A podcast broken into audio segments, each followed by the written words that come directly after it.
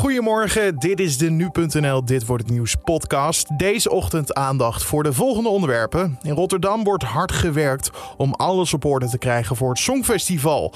We schakelen met onze verslaggever die al achter de schermen was om te kijken hoe het feest er nu voor staat. Verder opent in Istanbul vandaag een grote moskee op het Taksimplein. Een locatie en moskee waar film te doen is geweest. Waarom dat is, dat legt onze Turkije-watcher straks uit. Maar dat allemaal straks. Eerst kijken we kort even naar het belangrijkste nieuws van nu. Mijn naam is Carne van der Brink en het is vandaag vrijdag 7 mei. Het kabinet wil in juni beginnen met toegangstesten voor activiteiten en evenementen. De Tweede Kamer steunde gisteren de tijdelijke wet. Dat zou betekenen dat vanaf dan mensen een negatieve coronatest moeten laten zien voordat ze ergens naar binnen mogen of ergens aan kunnen deelnemen. De Kamer wil dat zo'n test gratis is. In de wet staat wel dat er over een paar maanden in sommige gevallen een eigen bijdrage van 7,50 euro zou moeten worden betaald. Zorgminister De Jonge legt uit waarom dat van belang is. Om daarmee te voorkomen dat de kritiek zou worden ja, dan moet de hele samenleving meebetalen, omdat er een paar mensen graag naar een festival willen in de zomer. Nou, zie hier het dilemma wat wij zelf hebben gehad en hoe we dat hebben willen oplossen door onszelf de mogelijkheid te geven. Niet dat we het ook per se gaan doen. Maar voorlopig blijft het gratis op verzoek van de Kamer.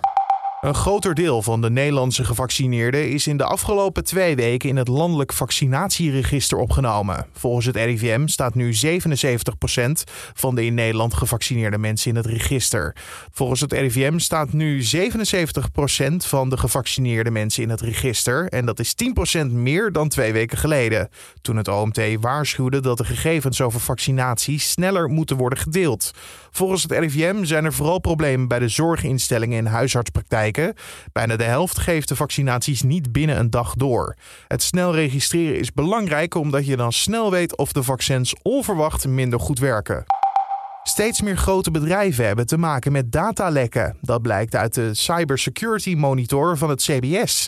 Dat gebeurt ook steeds vaker door interne fouten. Twee jaar geleden had 25% van de bedrijven met meer dan 250 werknemers daarmee te maken. In 2016 was dit nog 17%.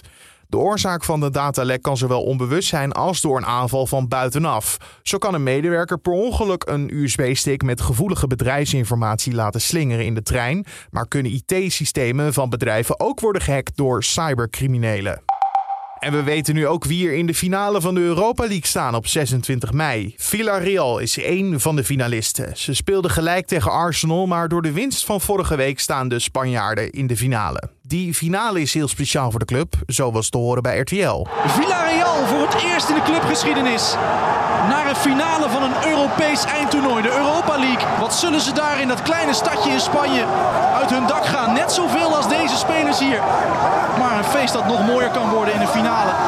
Manchester United is de andere finalist. Ze speelden tegen AS Roma. Het werd 3-2 voor de Italianen. Maar dat was niet genoeg omdat de vorige wedstrijd Manchester United met zes doelpunten had gewonnen. En dan kijken we naar de dag van vandaag, oftewel dit wordt het nieuws. Morgen beginnen in Rotterdam Ahoy de repetities voor het Eurovisie Songfestival. Want over twee weken is dan eindelijk het grote feest daar. Nu.nl staat natuurlijk bij aanwezig en onze Songfestivalverslaggever Lara Zevenberg mocht alvast achter de schermen kijken. En daar zag ze bijvoorbeeld dat de presentatoren de puntentellingen aan het oefenen waren. Chantal Jansen en Jan Smit. Our 12 points go to Ireland. Ireland 12 points, Nederland 12 points. We vroegen haar ook hoe groot deze monsterklus nu eigenlijk is. Het is sowieso natuurlijk een heel groot evenement, het Songfestival. Het is het grootste muziekevenement van het jaar. Uh, maar het is nu extra spannend en extra moeilijk voor de organisatie, omdat al die coronaregels er nog eens bij komen. Dus niet alleen moet er rekening gehouden worden met uh, nou ja, kostuums en artiesten die komen, maar er moet ook rekening gehouden worden met constant die anderhalve meter. Dus ja, er is alle ruimte die er was in Ahoy is gebruikt tot aan de bezemkasten aan toe. Toch moet er nog het een en ander gebeuren. Wat er echt nog aan zit te komen op dit moment is het dus het begin van die repetities van de artiesten. Vanaf zaterdag komen de artiesten, internationale artiesten zo langzamerhand hier naar Nederland toe. Uh, en vanaf donderdag is het voor ons spannend aan het worden, want dan heeft Changu zijn eerste repetitie.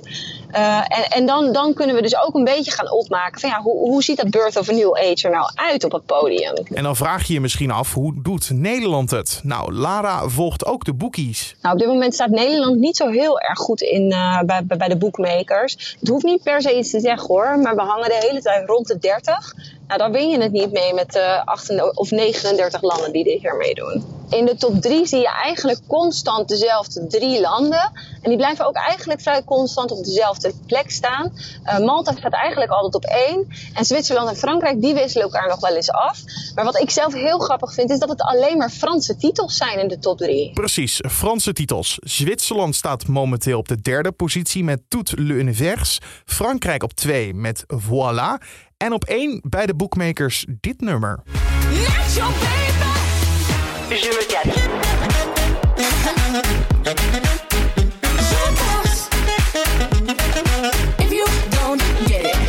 Dat is Malta, niet met Not My Baby, want dat is natuurlijk geen Frans, maar Je me casse. Dat betekent zoveel als ik breek.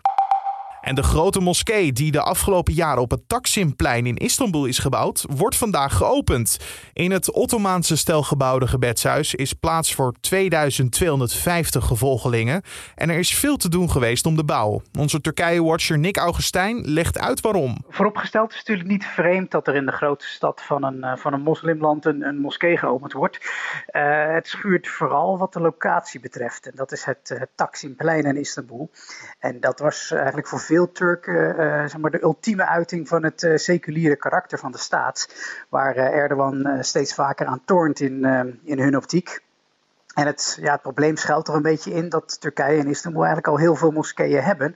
Maar er de laatste jaren toch steeds nieuwe, veel te grote exemplaren bijkomen. Hè. Dat is een beetje zuur als je bedenkt dat er steeds, ook al komt er nauwelijks iemand, een uh, met heel betaalde iemand moet zijn. En, en hier zie je eigenlijk een kentering in het denken van mensen. Waarom moet er steeds zoveel geld naar die, uh, die grote moskeeën? Terwijl er vaak genoeg, ook rondom Taksimplein, uh, genoeg alternatieven zijn.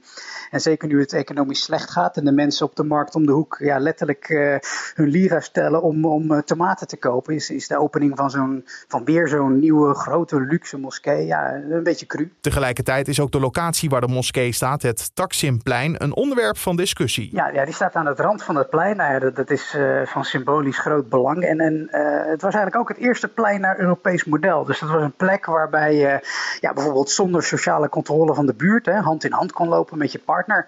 Uh, en daarnaast zijn de landmarks daar. Ja, een groot operagebouw en een Grieks-orthodoxe kerk. Kortom, weinig dat je direct associeert met, uh, met islam.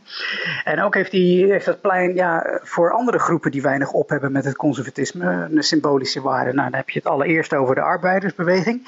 Doordat er op uh, de dag van de arbeid in 77 meer dan 30 doden vielen toen er op de menigte geschoten werd.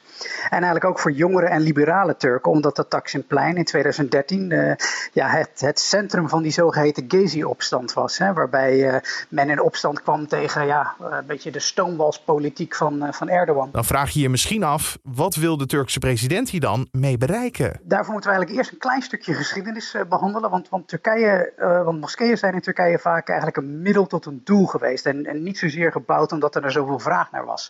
Bijvoorbeeld in de jaren 50 van de vorige eeuw, hè, toen de urbanisatie naar Istanbul op gang kwam, werden er heel uh, vaak op heel veel plekken uh, illegale woonwijken gebouwd. En nou, het middel om ervoor te zorgen dat die buurt niet uh, afgebroken werd door, uh, door de autoriteiten was om een moskee te, te bouwen. Dus die, die schoten als het ware uit de grond.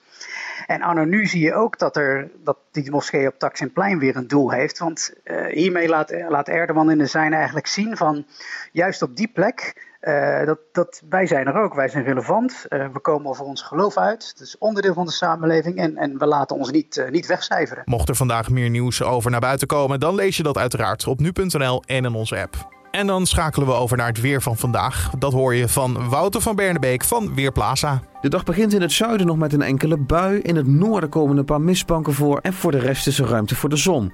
In de loop van de dag ontstaan er wel wolken. En landinwaarts zou nog een enkele bui kunnen vallen. Maar dat is allemaal veel minder dan de afgelopen dagen. De middagtemperatuur loopt op naar een graad of 13. En daarbij staat een matige wind uit een westelijke richting. Vanavond en vannacht zijn er opklaringen. Het wordt nog eenmaal vrij koud. Met temperaturen rond het vriespunt in het binnenland. Vlak aan de grond zou het lokale een graadje kunnen gaan vriezen. En er kan zich nog een enkele mistbank vormen. Dankjewel Wouter van Bernebeek van Weerplaza. En om af te sluiten nog even feestelijk nieuws voor Leiden. Want Naturalis in Leiden is verkozen tot Europees Museum van het Jaar. De jury noemt het Natuurmuseum als een zeer vindingrijk museum met prachtige tentoonstellingen. Het museum zelf ziet dit als een geweldige internationale erkenning. Naturalis werd twee jaar geleden na een flinke verbouwing heropend. Dat heeft zijn vruchten dus afgeworpen, want ze hebben de strijd gewonnen van 27 andere Europese musea. De directeur zegt dat hij niet kan wachten tot bezoekers weer welkom zijn. En met dit heugelijke nieuws sluiten we deze podcast ook af voor de vrijdag 7 mei. Voordat wij het weekend ingaan, zijn we natuurlijk vanmiddag terug met de middageditie van deze podcast. Dan hoor je mijn collega Julien Don weer. En uh, je kan ons helpen met de podcast beter te maken. Dus doe dat nog even voor het weekend. Een recensie achter te laten bij Apple Podcast. 1 tot en met 5 sterren kan je geven. En zet erin wat je van de podcast vindt. Of je kan een mailtje sturen naar podcast.nu.nl. Podcast.nu.nl. En dan help je ons enorm. Mijn naam is Carne van der Brink. Alvast een heerlijk weekend gewenst. Succes met Moederdag deze zondag, voor je het niet vergeet. En natuurlijk, tot maandag.